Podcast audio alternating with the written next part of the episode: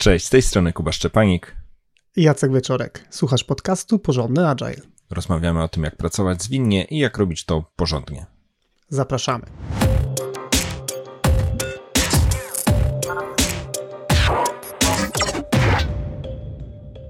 Ostatnio doświadczyłem takiej historii, że rozmawiałem z liderem, który zapytał mnie, co zrobić, gdy zespół mówi, że nie da się czegoś wykonać, nie da się czegoś zrobić.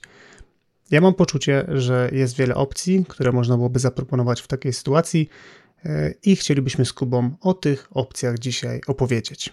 E, mówimy tutaj o tych e, opcjach, dlatego że coś, co jest istotą tego odcinka, to jest taka, taka pułapka idealnego, słusznego rozwiązania, gdzie zespół ma jakiś tam jeden, jedyny pomysł na to, co jest może możliwe do zrobienia, ale ten konkretny pomysł jest akurat poza zasięgiem. Na przykład nie ma na to pieniędzy, na przykład e, tak, a nie inaczej mamy ułożoną relację z klientem, może są jeszcze jakieś inne e, ograniczenia firmowe, więc jeśli zespół odrzuca to jedno rozwiązanie, które przychodzi do głowy, ale na przykład jest za drogie, to oznacza, że żadnych innych rozwiązań już w ogóle nie ma. Czyli to jest takie trochę podejście wszystko albo nic, albo ideał, albo nie ma innego sposobu. E, więc tutaj porozmawiamy o tym, jak wybić zespół z takiego e, myślenia o tym, że absolutnie nic się nie da zrobić, albo nie da się zrobić tego jednego, jedynego rozwiązania, które przyszło do głowy. I spis treści dzisiejszego odcinka jest następujący. Najpierw powiemy o naszych hipotezach, z czego to może wynikać, że zespół mówi, że nie da się. Natomiast w drugiej części podzielimy się poradami, jak naszym zdaniem można sobie z taką sytuacją radzić.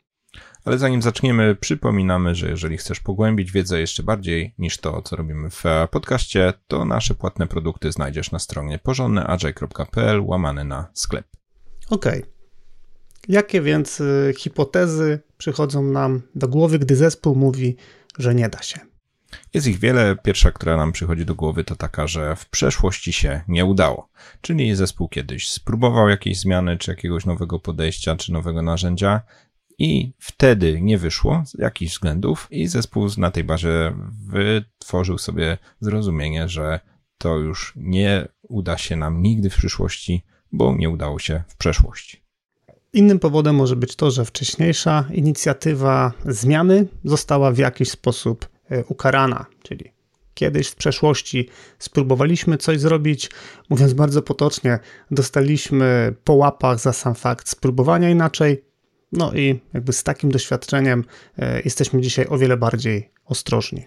Trzecią hipotezą, jaka może się zrodzić, to to, że istnieją ukryte założenia. Czyli zespół mówi, nie da się, ale tak naprawdę ma na myśli, nie da się w tym budżecie, który mamy do dyspozycji, nie da się przy tej kulturze zarządzania w naszej organizacji, nie da się w naszym staku technologicznym i możemy tak długo, długo wymieniać. Czyli istnieją jakieś konkretne, ale niedopowiedziane, czy niewypowiedziane na głos założenia, które powodują, że e, zespół nie ma na myśli tego, że nie da się obiektywnie i tak w ogóle, tylko nie da się w jakiejś liście założeń. Innym powodem może być próba obrony zespołu na takiej zasadzie, że chcemy tylko szybkim tekstem zbyć pomysłodawcę, który się jakby do zespołu odezwał z, jakimś, z jakąś koncepcją jest to coś takiego bardziej na zasadzie otrzep się, e, daj nam, daj nam spokój, nie zawracaj nam głowy. Kolejną hipotezą, którą można sprawdzić, to to, czy zespół nie ma czasu. E, może być tak, że zespół aktualnie znajduje się pod taką presją e, zadań, może jest jakiś szczyt sezonu albo jakiś taki e, bardzo nieszczęśliwy moment, gdzie zespół tak naprawdę nie chce się tłumaczyć z tego, że jest bardzo przeciążony, więc znajduje sobie taką e, dosyć wygodną wymówkę, że się e, nie da czegoś zrobić, ale to nie jest tak, że się w ogóle tego nie da zrobić, tylko no po prostu nie jest to w tym zespole właściwy moment na jakąś zmianę czy jakieś nowe podejście. Kolejna hipoteza może dotyczyć tego, że w zespole po prostu brakuje e, umiejętności, czyli nie umiemy, nie umiemy pewnej rzeczy zrobić, nigdy tego wcześniej nie robiliśmy, po prostu nie jesteśmy w stanie konkretnej rzeczy zrealizować. Z innej perspektywy, jedną z możliwych hipotez jest to, że w zespole brak pozytywnych wzorców. E, może się tak e, zdarzać w niektórych zespołach i w całych firmach, że takie nastawienie na nie da się, takie nastawienie konserwatywne, takie nastawienie też, że zawsze robiliśmy to w ten sposób i nie będziemy już nic więcej zmieniać, inaczej się nie da, jest po prostu e, wynikiem tego, że nie ma nigdzie w zespole jakichś pozytywnych wzorców. Hej, spróbujmy inaczej, zróbmy to raz po nowemu, no i te mm, braki pozytywnych wzorców rzutują na to, że zespół z automatu wpada w podejście, że musimy robić wszystko tak, jak zawsze robiliśmy do tej pory i inaczej się nie da.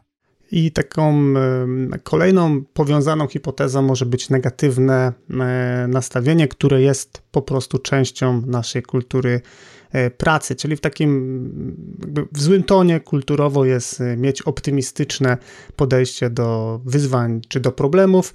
No stąd takim preferowanym podejściem jest, że na dzień dobry właściwie e, każdą świeżość, każdą inicjatywę staramy się ubić, mówiąc, że po prostu się nie da.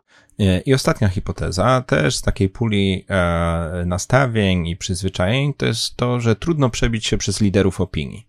E, wystarczy, że w zespole jest e, jedna osoba głośna albo osoba, która zawsze pierwsza się wypowiada, osoba, która ma autorytet. Jeśli ta osoba powie, że się nie da, no to może być bardzo trudno pozostałym członkom zespołu się przebić przez taką dyskusję, zwłaszcza jeśli do tej pory nie mamy do tego przyzwyczajeń albo nie ma na to jakichś ścieżek postępowania.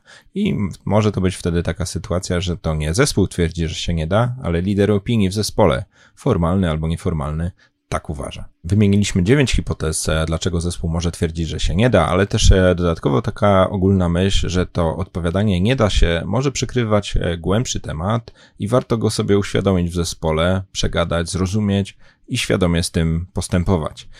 Ten głębszy temat może być związany zupełnie z czym innym niż te hipotezy, które wymieniamy i ten taki automatyczny niedasizm jest jakimś sposobem, który przeszkadza zespołowi albo nie pozwala zespołowi wejść głębiej w temat i bardzo świadomie albo się nim zająć, albo chociaż powiedzieć sobie, że faktycznie jakiś tam problem jest, ale na przykład nie jest to właściwy moment, żeby go przepracować. OK, czyli przedstawiliśmy cały wachlarz hipotez, które naszym zdaniem mogą być prawdziwe w kontekście Twojego zespołu. Teraz chcielibyśmy z Kubą się podzielić siedmioma poradami, siedmioma wskazówkami, jak można sobie z problemem nie da się poradzić w Twoim zespole. E, pierwsza porada brzmi: odrzuć pierwsze nie. E, jest to taka porada trochę z podręcznika e, sprzedaży, że pierwsze nie w sprzedaży jest tylko zachętą do dalszej rozmowy. Tutaj nie chcę z tego nadmiernie zironizować, ani tego strywializować, ale no coś, co, co, co jest jakimś doświadczeniem, które też ja mam, to takie pierwsze nie, czy to właśnie to nie da się, pierwsze jest jakimś takim automatem, coś w stylu nie wiem, nie chcę, e, nie mam pomysłu. Tak naprawdę po prostu trzeba utrzymać to, że to jest tylko taka, taka jakaś e, pierwsza wypowiedź, za którą jednak jakieś pomysły na pewno się kryją, e, tylko dać trzeba przestrzeń na to, żeby dać się wszystkim pomyśleć, dać się wypowiedzieć wielu osobom, a nie tej pierwszej, która się wypowiedziała, że się nie da. Zadać może kilka otwierających pytań, jakie mamy pomysły, jakie pomysły odrzuciliśmy, zanim e, zaczęliśmy się zastanawiać całym zespołem, czy ktoś jednak ma jakiś pomysł i mógłbym takie pytania dalej wymieniać. Taki przykład, który przychodzi mi do głowy, jak słucham tego, co Kuba opowiada, to jest e, przykład e, dzielenia dużych elementów z backlogu produktu w zespole, gdzie bardzo często słyszę odpowiedź: nie da się tego podzielić, nie można tego podzielić. Być może inne firmy mogą to zrobić, ale w naszym szczególnym przypadku nie da się. No i to jest taki przykład, gdzie zdecydowanie nie można e, zareagować na to nie, że tak jest i faktycznie nie można nic z tym zrobić, no tylko tak jak mówi Kuba, tak naprawdę to jest zaproszenie e, do dalszej i głębszej rozmowy. Druga porada, którą chcemy się podzielić, e, to porada zachęcająca do tego, żeby zrozumieć powody oporu w zespole. No i tutaj generalnie warto zaprosić zespół do głębszej rozmowy mm, o przyczynach, czyli z czego wynika nasz y, opór, żeby pewne rzeczy realizować. Być może ta dyskusja skręci trochę w stronę rozmowy o nastawieniu, czyli dlaczego właśnie w taki sposób reagujemy na ewentualne próby zmiany i zbudowanie z zespołem takie istoty sprawy, czyli co jest tym naszym takim głównym blokerem, czy głównym powodem, który powoduje, że zespół reaguje no właśnie w taki negatywny sposób. I tutaj taka technika klasyczna, która może pomóc w tym zrozumieniu powodów e, oporu, jest e, przejście przez e, serię pytań dlaczego. Możecie taką technikę kojarzyć z koncepcji 5 razy dlaczego, czy five whys. Być może w zespole nie będzie aż tak prosto, jak na tych przykładach z five why, że tak naprawdę tych powodów jest wiele, one być może się jakoś tak e, zapętlają, narastają na siebie.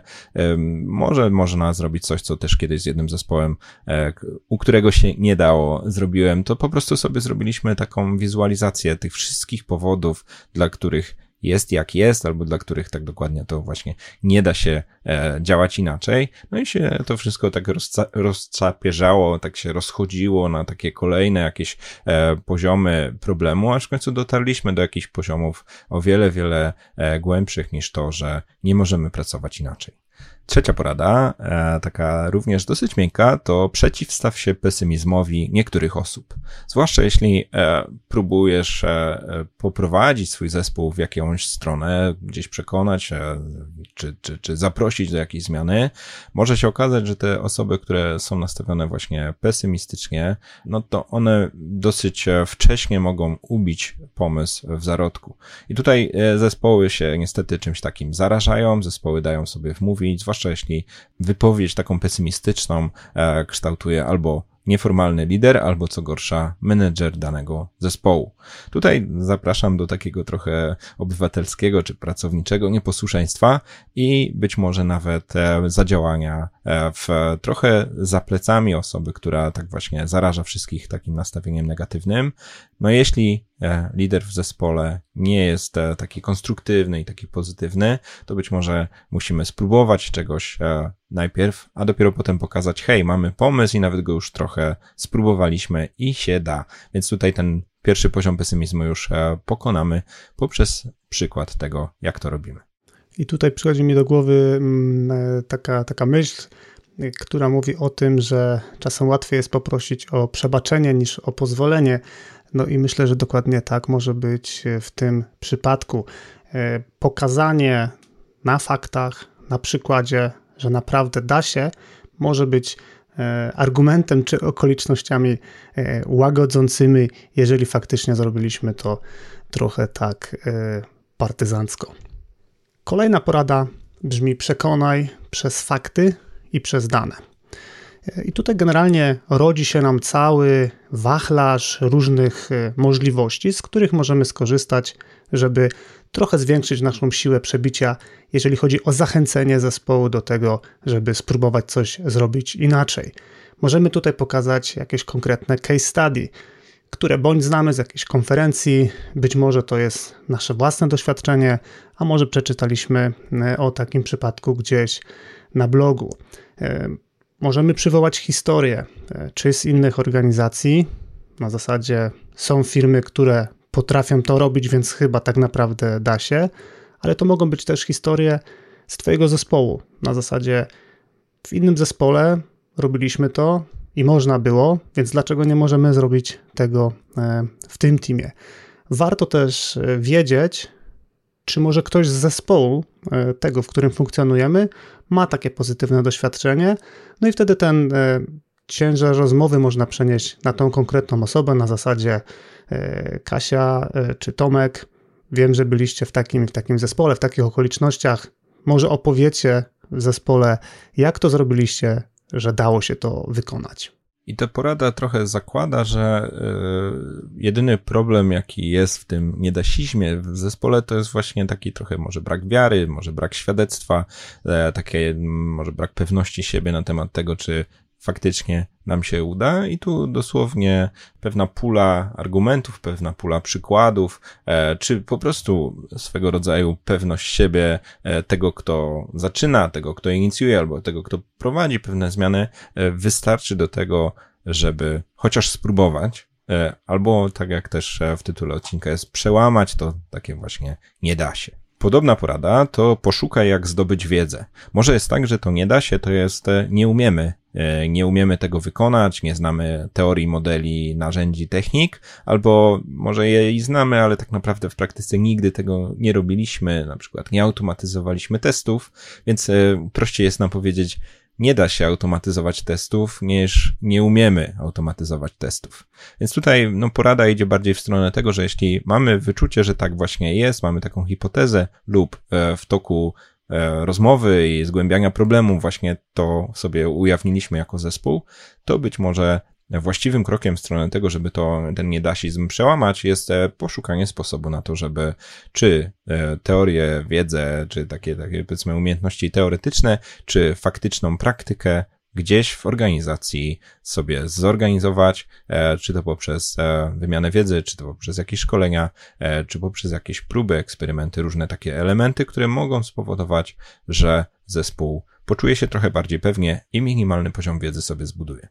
No generalnie chyba tutaj warto powiedzieć, że żyjemy naprawdę z tej perspektywy w fantastycznych czasach, gdzie dostęp do wiedzy jest właściwie natychmiastowy.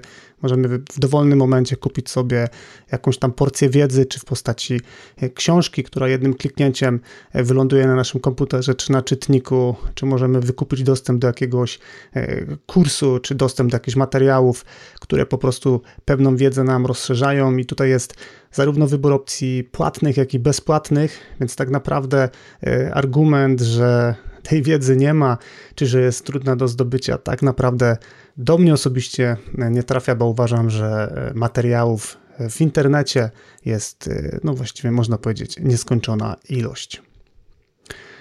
Przedostatnia porada na dzisiaj brzmi: stwórz warunki do rozmowy o opcjach. Istotnym aspektem prowadzenia takiej dyskusji jest to, żeby dobrze umówić się na e, konkretne warunki i zasady takiej otwartej rozmowy e, o opcjach. Przychodzą tutaj mi do głowy takie rzeczy jak zaakcentowanie, że wszystkie opcje są na tym etapie, kiedy rozmawiam, rozmawiamy, mile widziane. E, zapewnienie, że nie ma głupich pomysłów umówienie się, że nie krytykujemy się zbyt wcześnie, nie krytykujemy też rzeczy, które w pierwszym odczuciu, w pierwszym takim wrażeniu mogą brzmieć jak pomysły szalone, dziwne, e, czy totalnie w ogóle niemożliwe w naszej organizacji. Jeżeli chcesz posłuchać więcej o tym, jak zaczerpnąć z mądrości zespołu, jak zaprosić zespół do tego, żeby wygenerował e, masę opcji e, i wziął odpowiedzialność za to, żeby tych opcji było sporo, to odsyłam Cię do odcinka 112, e, gdzie rozmawialiśmy o czerpaniu z mądrości zespołu. I ta porada może tak naprawdę wiązać się dosłownie z jednym, dwoma zdaniami otwarcia, gdzie mówimy po prostu o jakichś zasadach, propozycjach, czy, czy, czy mamy prośbę do wszystkich e, członków zespołu o to, jak moglibyśmy dyskutować w czasie rozmowy o tym jakimś pomyśle, czy jakiejś inicjatywie, to mogą być też oczywiście bardziej rozbudowane struktury, jakieś pomysły, techniki, techniki kreatywne, techniki rozwiązywania problemów, ale tak naprawdę najbardziej istotną kwestią jest to, żeby zespół, zanim zacznie odrzucać pierwsze rozwiązanie, zastanowił się, jak wiele rozwiązań istnieje i ewentualnie w toku porównywania, dyskutowania, pokazywania sobie różnych alternatyw, doszedł do tego, że na pewno się da, może nawet na wiele sposobów i musimy wybrać, który jest dla nas najlepszy, z którym się najlepiej czujemy, albo który jest w zasięgu naszych możliwości. I a propos zasięgu możliwości, ostatnia porada to zaproponuj eksperyment. Może być tak, że zmiany nie da się przeprowadzić w oczach zespołu, bo jest zbyt radykalna, zbyt rewolucyjna, e, zbyt szokowa. I z tego powodu, jeśli zespół się waha, czy propozycję zmiany wprowadzić w życie, zamiast e, wejść w model taki szyb, szybko, wszystko albo nic, możemy też zaproponować, zróbmy e, wyizolowany eksperyment, próbę, spróbujmy tylko kawałek naszej pracy zrobić po nowemu, tylko jeden element, jeden krok, jeden najbliższy projekt zróbmy inaczej, ale na razie sobie nie obiecujmy, że już zawsze będziemy działać po nowemu. To powoduje, że trochę spada takie napięcie, czy takie ciśnienie e, stresowania się, że teraz e, dużo mieszamy, nie wiemy, czy to wyjdzie, e, duże ryzyko, że będzie z tego powodu jakaś pretensja i dużo innych hipotez, które mogą przyjść do głowy. Taki eksperyment ma swoje ramy, ma z góry umówioną datę końca albo jakiś warunek końca, gdzie można sobie wywnioskować z tego na przyszłość, do kolejnych powtórzeń, jakieś wnioski, jakieś efekty zmiany. Co ważne też, e, taki eksperyment wywoła też e, skutki uboczne, których się nie spodziewamy. Wiele, wiele zmian po prostu nie jest do przewidzenia na etapie dyskusji przed rozpoczęciem działania po nowemu. No i taki eksperyment po prostu tak metodą prób i błędów, taką metodą też e, bardzo pragmatyczną, po prostu pokaże, czy jest lepiej o te aspekty, które miało być, czy o coś jest gorzej, czy wyszło coś, czego się zupełnie nie spodziewaliśmy. I ta nasza propozycja eksperymentu to można powiedzieć jest już taki klasyk porządno-agile'owy, bo wierzymy z Kubą, że generalnie jest to pewne takie meta podejście do tego, żeby budować fajny zespół, więc niezależnie czy mierzymy się z problemem, że nie da się, czy po prostu chcemy zbudować e, zespół, który jest w stanie funkcjonować e, w zmieniających się, złożonych środowiskach, to nauczenie się robienia nawet bardzo małych, ale bezpiecznych eksperymentów może okazać się kluczową kompetencją. Dobrze, podsumowując dzisiejszy odcinek. Jakie mamy porady, gdy zespół mówi nie da się? Odrzuć pierwsze nie, zrozum powody oporu zespołu, przeciwstaw się pesymizmowi niektórych osób, przekonaj przez fakty i dane. Poszukaj, jak zdobyć wiedzę, zaproponuj eksperyment, stwórz warunki do rozmowy o opcjach. I na koniec mamy prośbę, pomóż nam docierać do nowych słuchaczy i wspólnie podnosić poziom zwinności w polskich organizacjach. Jeżeli prowadzisz bloga lub jakąś stronę internetową, wrzuć linka do strony Porządny Agile albo do konkretnego materiału, który uznajesz za wartościowy dla Twoich odbiorców. Jeśli działasz w mediach społecznościowych, podziel się przemyśleniem lub inspiracją, którą od nas dostajesz. Natomiast jeśli działasz w wewnętrznej społeczności, w konkretnej organizacji, podziel się naszymi materiałami z innymi osobami u Ciebie w firmie. E, wiele osób, z którymi mamy kontakt, które rozwijają się w tematach zwinności, bardzo dobrze wspomina osoby, które pokierowały ich do wartościowych materiałów. Ty też możesz być taką osobą dla kogoś. Natomiast notatki do tego konkretnego odcinka, artykuł, transkrypcję oraz zapis wideo znajdziesz na stronie porządnaagile.pl łamane na 114. I to by było wszystko na dzisiaj. Dzięki Jacek. Dzięki Kuba. I do usłyszenia wkrótce. wkrótce.